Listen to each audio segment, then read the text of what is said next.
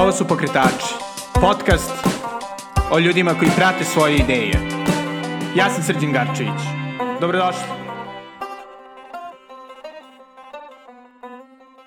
Ćao i dobrodošli u još jednu epizodu Pokretača. Današnja epizoda će biti malkice drugačija, jer je u gostima Dejan Vučetić, kustos iz Beogradske kuće legata, koji će sa nama podeliti svoje iskustvo u radu na zaštiti i promociji tela jedne od najvećih legatorki e, na srpskoj umetničkoj sceni u skorije vreme i jednoj od njenih svakako najtalentovanijih pripadnica u proteklih možda 50 godina, Olgi Jevrić.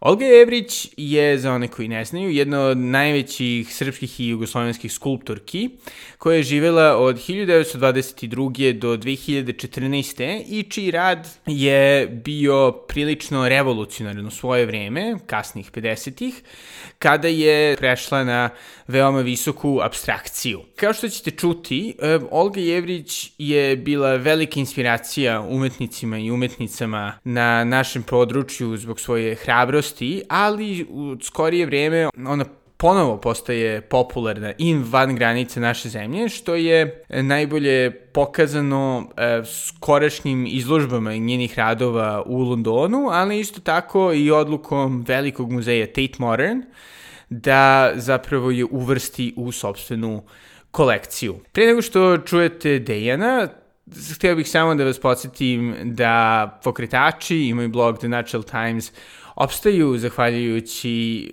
divnim donacijama mojih e, mecena na Patreonu. Tako da, ukoliko ste zainteresovani da donirate, molim vas to učinite. A sada, poslušajte Dejana Vučetića iz kuće legata o Olgi Jevrić. Ko je zapravo bila Olga Jevrić za naše slušalce? Olga Jevrić je bila umetnica, vajarka, akademik i legator kuće legata, koja je jedna od najznačajnijih umetnica 20. veka, jugoslovenske i srpske skulpturalne prakse. Ona je poklonila kuće legata 2006. godine 44 dela, kasnije 2012. nakon retrospektive koja je bilo u galeriji kuće legata je aneksom ugovora poklonjeno još tri skulpture, tako da danas mi u našoj kolekciji imamo ukupno 47 skulptura. Pored a, kuće legata, Olga Jevrić je ostavila Srpskoj akademiji nauka i umetnosti 147 dela. Pitanju je mala plastika, to su skulpture manjih formata, koje neki smatraju skicama, ali u suštini to su bile zaokružene skulpture koje zapravo nikada nisu neki od njih koji su bili predlozi za spomenike nikada nisu bili izvedeni u većem formatu. Tako da moram naglasiti da je ona umetnica koja je bila veoma darežljiva i koja je imala uh, tu svest da njeno delo treba da ostane uh, i gradu Beogradu i između ostalog Republici Srbije. Pored toga što smo spomenuli o Olgi Jevrić kao našem legatoru, ono što je još veoma bitno je zapravo njen razvojni put koji je tek od 48. pa do kraja 90-ih, početka 2000-ih, dok je ona još bila aktivna i stvarala je. Ono što je važno za samu njenu skulpturu gde je on, ona unela novine? Ona unela novine u samu formu, jer je na neki način razbila formu. Ona je svoju skulpturu svela na jednu vrstu kompozicije, između ostalog ona ih je zvala prostorne kompozicije, uh, i njena prva izložba samostalna se zove prostorne kompozicije, ona je uh, podelila tu skulpturu na masu, na negativni volumen, koji je u stvari prostor koji se nalazi u samoj skulpturi i koji između ostalog uključuje prostor oko skulpture i šipke koje su bile uh, uključene u samo tkivu, u sam taj volumen skulpture. I na taj način je ona napravila i u potpunosti novu, originalnu, vrlo autentičnu formu koja do tada nije bila prisutna. A sa druge strane, što se tiče samog materijala, eksperimentisala je. Tako da veliki broj njenih radova, skulptura je rađeno u ferioksidu. Ona je mešala gips sa tom prašinom, tim, tom, da kažem, to su neki opiljci zapravo gvožđa, a, koji vremenom, a, jeli, zbog dejstva vazduha, sam, sama skulptura i površina skulpture doživljava promene, tako da dolazi do promene boje. I taj materijal je uh, veoma karakterističan za Olgu Jevrić. Ona nije uh, imala veliki broj skulptura koje je izgledala u bronzi. Pričala je da je sam rad u bronzi malo i skuplji, u početku je to bilo možda taj razlog, ali kasnije shvatila da je to zaista materijal koji najviše uh, karakteriše uh, i opisuje zapravo, kada pomislimo na Olgu Jevrić, zaista pomislimo prvo na ferioksid, iako je ona radila i recimo u cementu, takođe, i kao što sam rekao, neke skulpture su u bronzi, i naravno u terakoti to su rani radovi, kada je radila figuraciju i portrete, ali e, da kažem, to su radovi koji zaista o, karakterišu baš njen, njen opus. Zbog čega je ona posebno zanimljiva nama danas? Pa ona je zanimljiva jer je uh, svojim izložbom, prvom samostalnom izložbom koja je uh, održana 1957. u galeriji Ulus, ona je napravila jedan raskid koji je postojao uh, u skulpturalnoj praksi i kao što je Lubarda to isto učinio uh, na polju slikarstva i između ostalog ona i tvrdi da je ona u velikoj meri bila okuražena njegov, njegovom izložbom a, 1951 u Beogradu i na taj način pronašla snagu i a, jedan novi impuls da to isto ostvari u okviru skulpture. I na taj način je prekinula tu jednu tradiciju koja je bila prisutna, odnosno akademizam, koji je već tada bio zastupljen jedan kasnije i taj socrealizam i uplovila u jedno, jedno novo polje abstraktnog eh, razmišljanja koje je vodilo jeli, ka abstrakciji, abstraktnoj formi. I kako je to zapravo bilo prihvaćeno tada? Znači, to su 50. U Britaniji postojalo Barbara Hepworth, Ono što je interesantno za tu izložbu, koja je trajala samo 10 dana, ona je bila od 10. do 20. oktobra u galeriji Ulus, kritike su bile izvaredne. On, o toj izložbi je pisao Miodrag Protić, Pavle Vasić i drugi kritičari i na taj način zapravo je ona dokazala da uh, umetnik treba da sledi svoj uh, sobstveni put. Zapravo da mora da pronađe uh, svoj lični jezik bez obzira na sve ono što je jeli, učio na akademiji i kasnije, između ostalog je ona i magistrirala kod profesora Sretina Stojanovića, ali jednostavno ona je shvatila da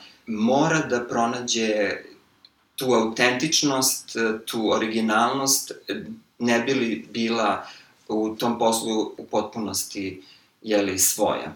Ono što je takođe bitno je um, Venecijinsko bijenale 29. na kome ona učestvuje 1958. godine, koje je za Olgu Jevrić predstavljalo jedan prodor na evropsku scenu, jer je ona na uh, Venecijanskom bijenalu tada izlagala deset dela, deset skulptura i uprkos, kako naš paviljon bio podeljen tada sa nekim paravanima, ima dva ili tri paravana, ona je bila iza jednog paravana u uglu, što nije bilo, da kažem, dobro osmišljeno, ali uprkos tome kritika je zaista lepo odreagovala na njeno delo i tada su njoj pisali i Gilo Dorfles i Cornelius Dolman i George de Kiriko, takođe Pistoj, vlasnik galerije Noticije, jer ona već iduće godine izlaže u galeriji Noticije u Italiji, Venecijansko bijenale je za nju predstavljalo zaista bitnu prekretnicu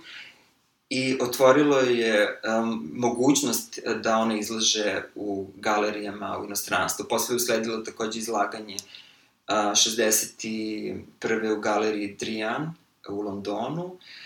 Međutim, ono što je, što je u stvari za nju opet karakteristično je da ona taj impuls koji je postojao tada, s kraja jeli, 50-ih, početka 60-ih, pošto ona imala želju da ostane ipak u Beogradu, iako je galerista je pozvao jeli, u galeriji noticije da ona se priključi, da se jeli, preseli u Italiju, ona je mislila da će moći da deluje na dva koloseka, znači u Beogradu i takođe u Italiji, međutim ta odluka je jednostavno se pokazala na kraju kao možda pogrešna, a možda i ne, možda jednostavno tako želela. Hoću reći da um, taj impuls koji je postojao tada polako je posle splasao i ona I naravno posle je, su, su je došao polako britanski i američki pop art koji istiso sve te tokove koji su bili karakteristični za posloratnu umetnost i za taj informel i za abstraktni ekspresionizam i za, da kažem, tu uh, visoku modernu.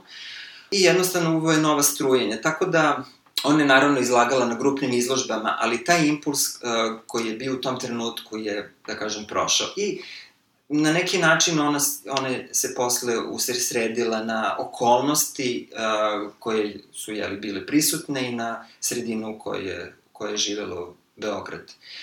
Tako da, eto, to su, da kažem, bitna, te 50. godine, kraj 50. njena prva samostalna izložba, 57. 58. Uh, izlaganje na Venecijanskom bijenalu, 59. prva izložba u inostranstvu u Galeriji Noticije, da kažem, su bili na neki način vrlo bitne godine u njenom, uh, u njenoj umetničkoj praksi. Tada nastaju veoma bitne skulpture, njena kapitalna dela, komplementarne forme, vertikalna kompozicija, forma pod pritiskom, agresivne forme, naravno predlozi za spomenik koje ona u početku zvala kompozicijama pa je neke preimenovala. Koliko je njena skulptura tokom Jugoslavije bila korišćena kao, da kažem, javna umetnost? Pa, to je isto uh, interesantno pitanje. Ona je učestvovala na raznim konkursima za spomenike. Jer znamo da posle drugog svetskog rata zaista, ti da kažem, spomenici koji su se e, gradili u, u, na prostoru bivše Jugoslavije zaista bilo dosta. Međutim, njena skulptura, nažalost, nikad nije e, transponovana sa tog malog, iz tog malog formata na veći plan, veći format. Tako da, na primer, tom katalogu skromnom koji je izašao 57. na njenoj prvoj samostalnoj izložbi, mi pored naziva skulptura imamo i u kojim proporcijama je ona zamislila njih. Tako da ti spomenici su trebali zaista biti veliki, masivni, po nekoliko metara, 5-10 metara, ali nažalost jednostavno vladajuća struktura koja je tada odlučivala, jednostavno nisu prepoznali ovaj. Sa druge strane, moram isto reći, ona nije bila u tim komunističkim krugovima, zaista nikada. Ona se odvojila i kategorički je e, želela da je ne vezuju za jeli, za, i za komunističku partiju, jednostavno nije pripadala tome.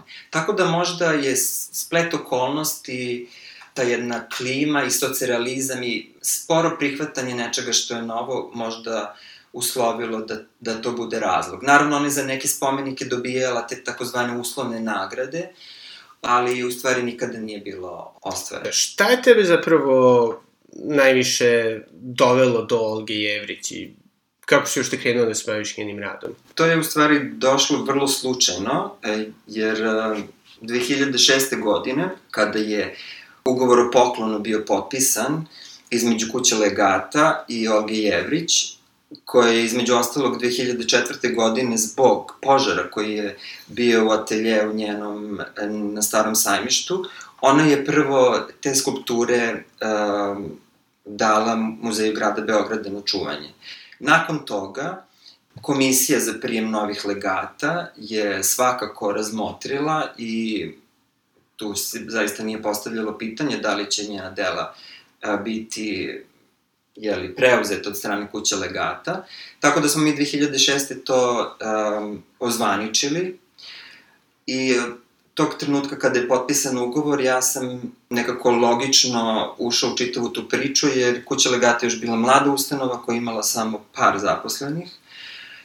I tako jednostavno krenulo naša saradnja, koja je bilo naravno u početku striktno poslovno, kasnije se to pretvorilo u, u jedno, da kažem, druženje i prijateljstvo i eto, da kažemo, te 2006. mi smo lepo sarađivali do da je ona i preminula trenutno jedan od razloga zbog čega je Olga Jevrić više u medijima, a makar ovaj, kulturnim medijima u Srbiji, je, je trenutna izložba u Londonu.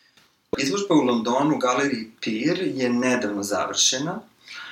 A, međutim, druga izložba koja je krenula otprilike u isto vreme se i dalje održava u galeriji Handler Street Projects, koju vodi naš kolega Feđe Klikovac, istoričar umetnosti koji već dugi niz godina živi u Londonu. Inače, ideja da ta izložba se održi ove godine i krenula a, inicijativom Feđe Klikovca i Ingrid Svensson koja je direktorka a, ili upravnica galerije PIR.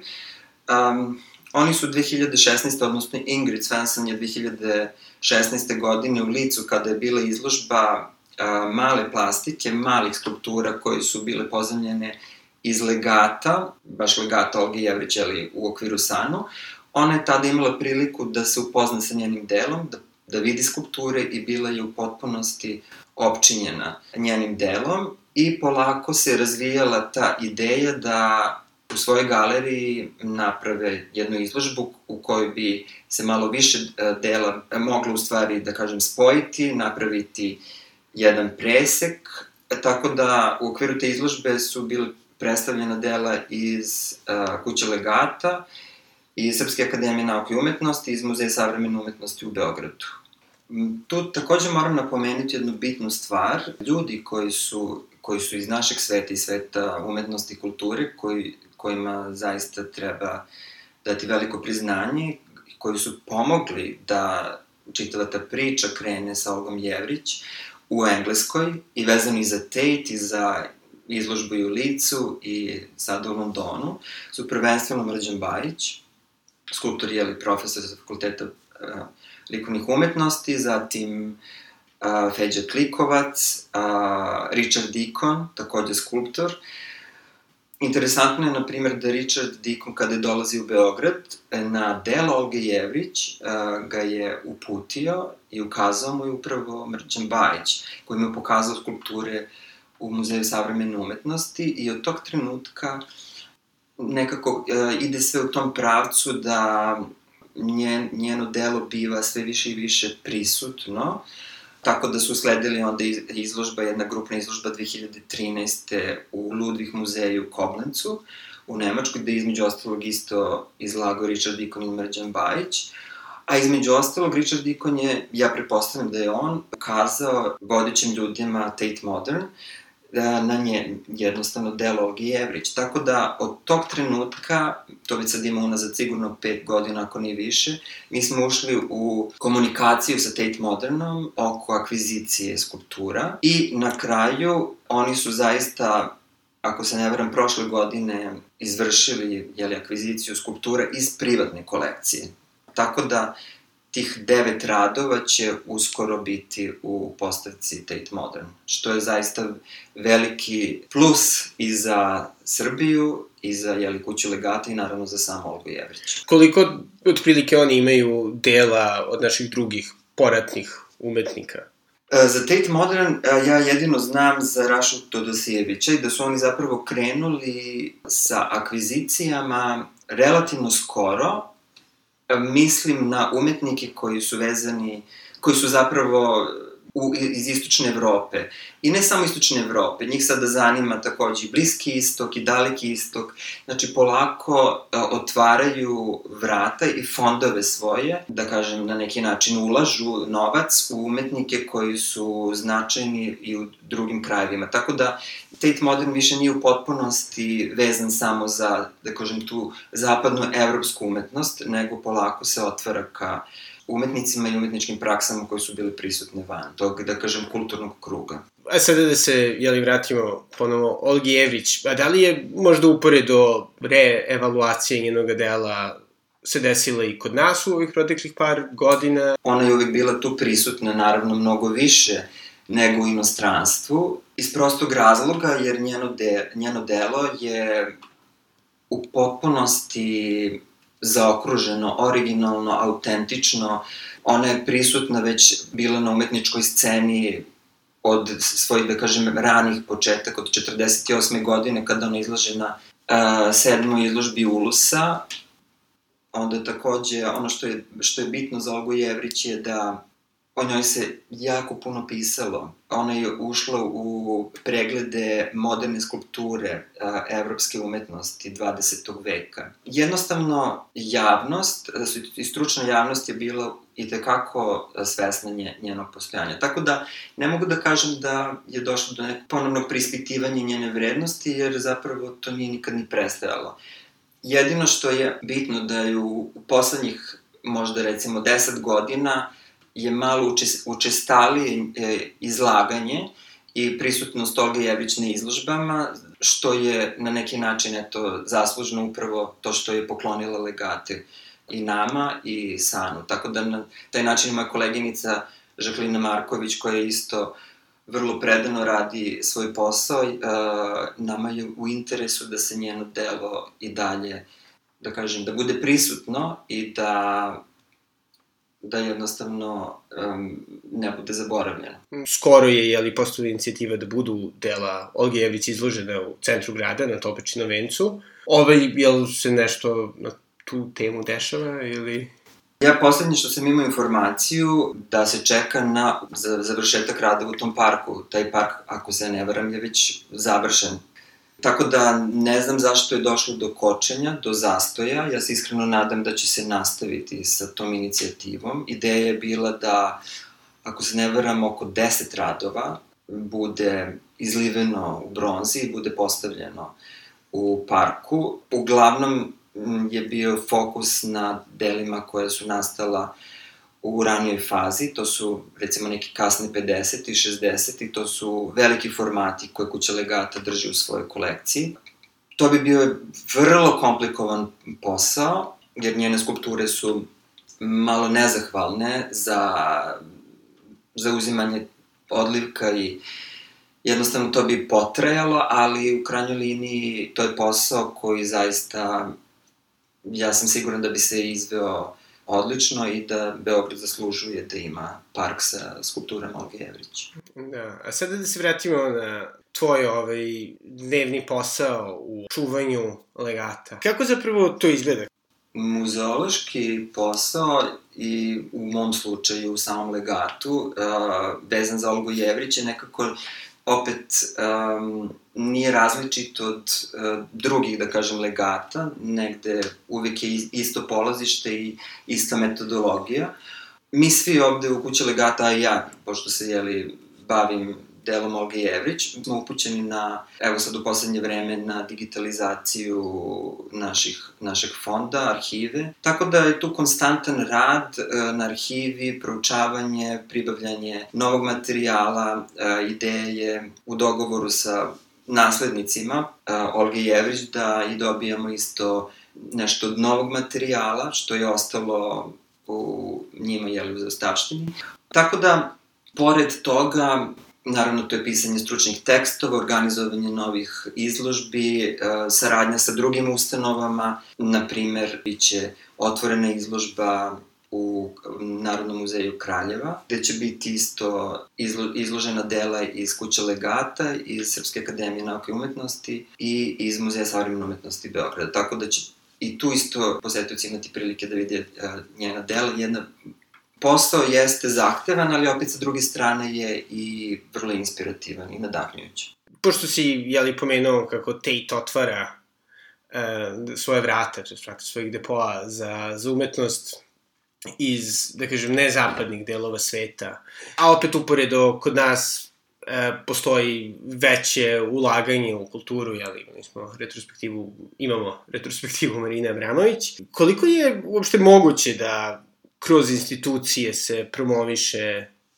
da kažem, naša umetnost? To je u stvari jedini način kako može da se promoviše umetnost. Ako želite ozbiljniju podršku i da na neki način ozbiljniji, uh, ozbiljniju kulturnu politiku, to jedino i može kroz institucije, naravno koje su podpomognute od strane ministarstva kulture, na prvom mestu, naravno, mi, pošto smo gradska institucija, mi opet i od strane sekretar, sekretarijata za kulturu. To su projekti, ako govorimo o izložbama, koji su vrlo skupi, i naravno, pored finansijske podrške, tu je potrebna i svaka vrsta, da kažem, podrške.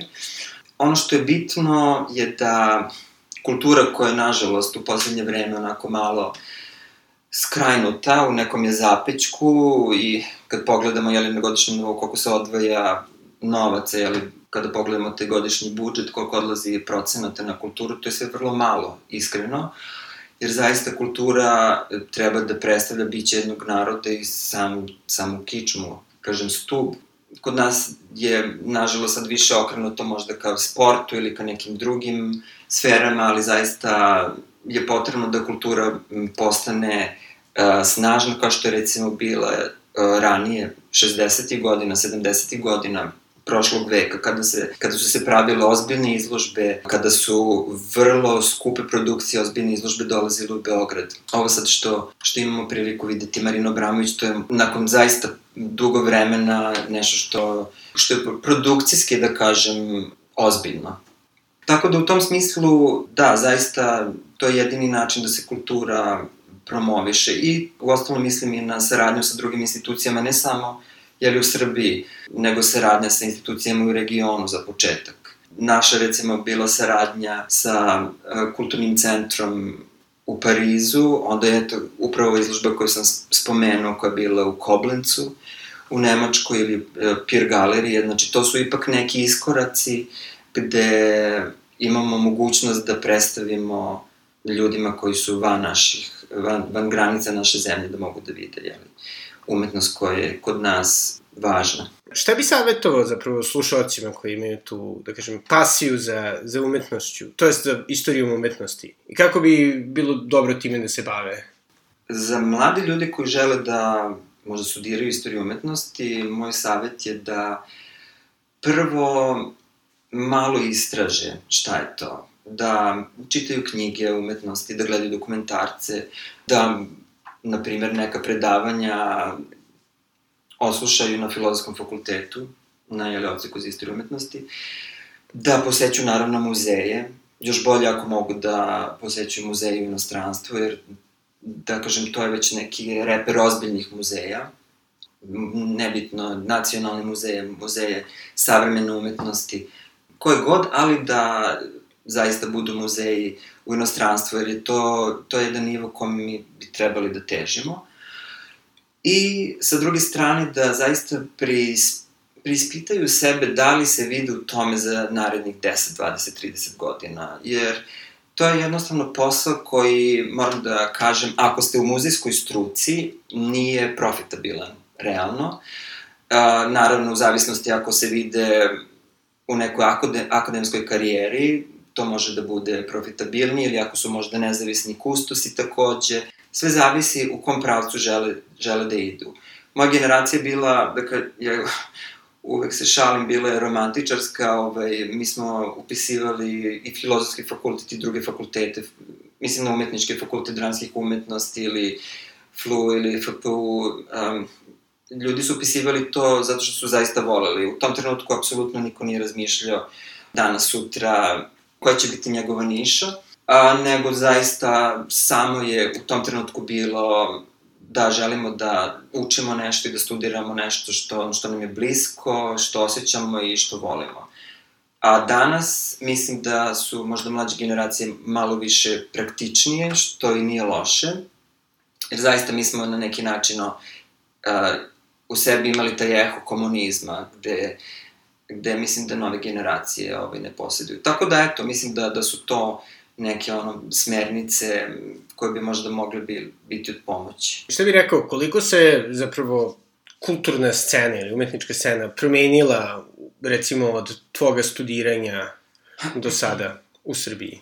Kulturna scena u Srbiji, moram da priznam da i dalje je, ne mogu da kažem da ne postoji, postoji svakako, ali dalje mislim da se ne poklanja pažnja toliko umetnicima koji su mladi. Jednostavno, vetar im se ne daje u, nekako koji bi trebao da postoji, vetar u leđa, a, i u što se tiče prvih izložbi, što se tiče finansiranja. Sada su umetnici mladi uglavnom, koliko ja znam, fokusirani na, na neke konkurse uh, koje su recimo Kultur Kontakt ili druge neke fondacije koje nude iz inostranstva, Helvecija ili tako dalje.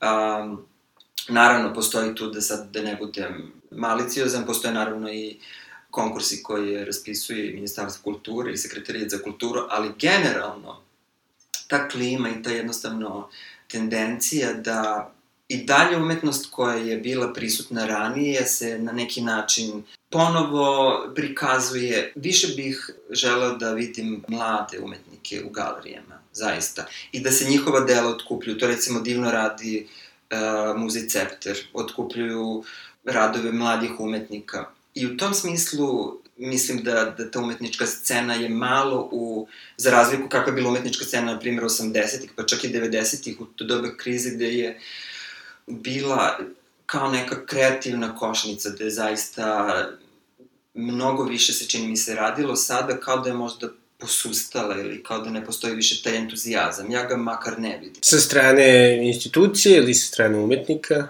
I sa jedne i sa druge strane. Prvenstveno, po mom mišljenju, mislim da je to nedostatak uh, novca. Ja znam zaista gomilu mojih prijatelja koji su umetnici, koji su uspeli na neki način da pronađu svoje mesto pod suncem, uh, tek kada su se izmestili iz Srbije. Što je tužno, ali zaista ljudi koji su recimo bili primorani da izlažu da sami to finansiraju ili recimo da prodaju slike samo da bi se pokrili na neki način troškovi boje i, i, i platna, znači to, to nije nešto što je ohrabrujuće. Dok se to ne promeni i sa druge strane dok se ne pojavi jedno ozbiljno tržište, umetničko tržište, ono sada postoji, ali je vrlo skromno i to nije tržište koje je ranije postojalo. Vi ste ranije mogli da zaista odvojite novac i da kupite sliku, ne znam, sada neću da imenujem kog umetnika, ali jednostavno bilo je mnogo um, pristupačnije. Sada to zaista mogu da, za neke ozbilj, ozbiljne novce mogu da kupuju ljudi koji su u, nekom ozbiljnom poslu, koji mogu to da odvoje. A da kažem, prosječan građanin na neki način to spada sada u domen luksuza, što je opet tužno. I to je bio Dejan Vučetić iz Kući legata.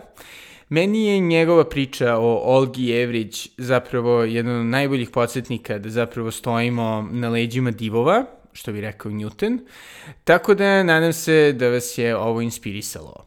Takođe, ukoliko ste zainteresovani da podržite The Natural Times i pokretače, to možete učiniti na adresi patreon.com kosacrta Belgrade. Do sada moje vrlo izdašne mecene su Aleks Debiževi, Nadežda Dremićanin, Pavle Marinković, Felix van Litzenburg, Ana Renitović, Stefan Vujović, Ana Janošev, Alistair Jamison, Drago Indjić, Jesse Hronešova, Steven Friker, Mladen Jovanović i Ana Rasel Omaljev. Hvala im puno, a mi se čujemo sledećeg ponedeljka. Doviđenja.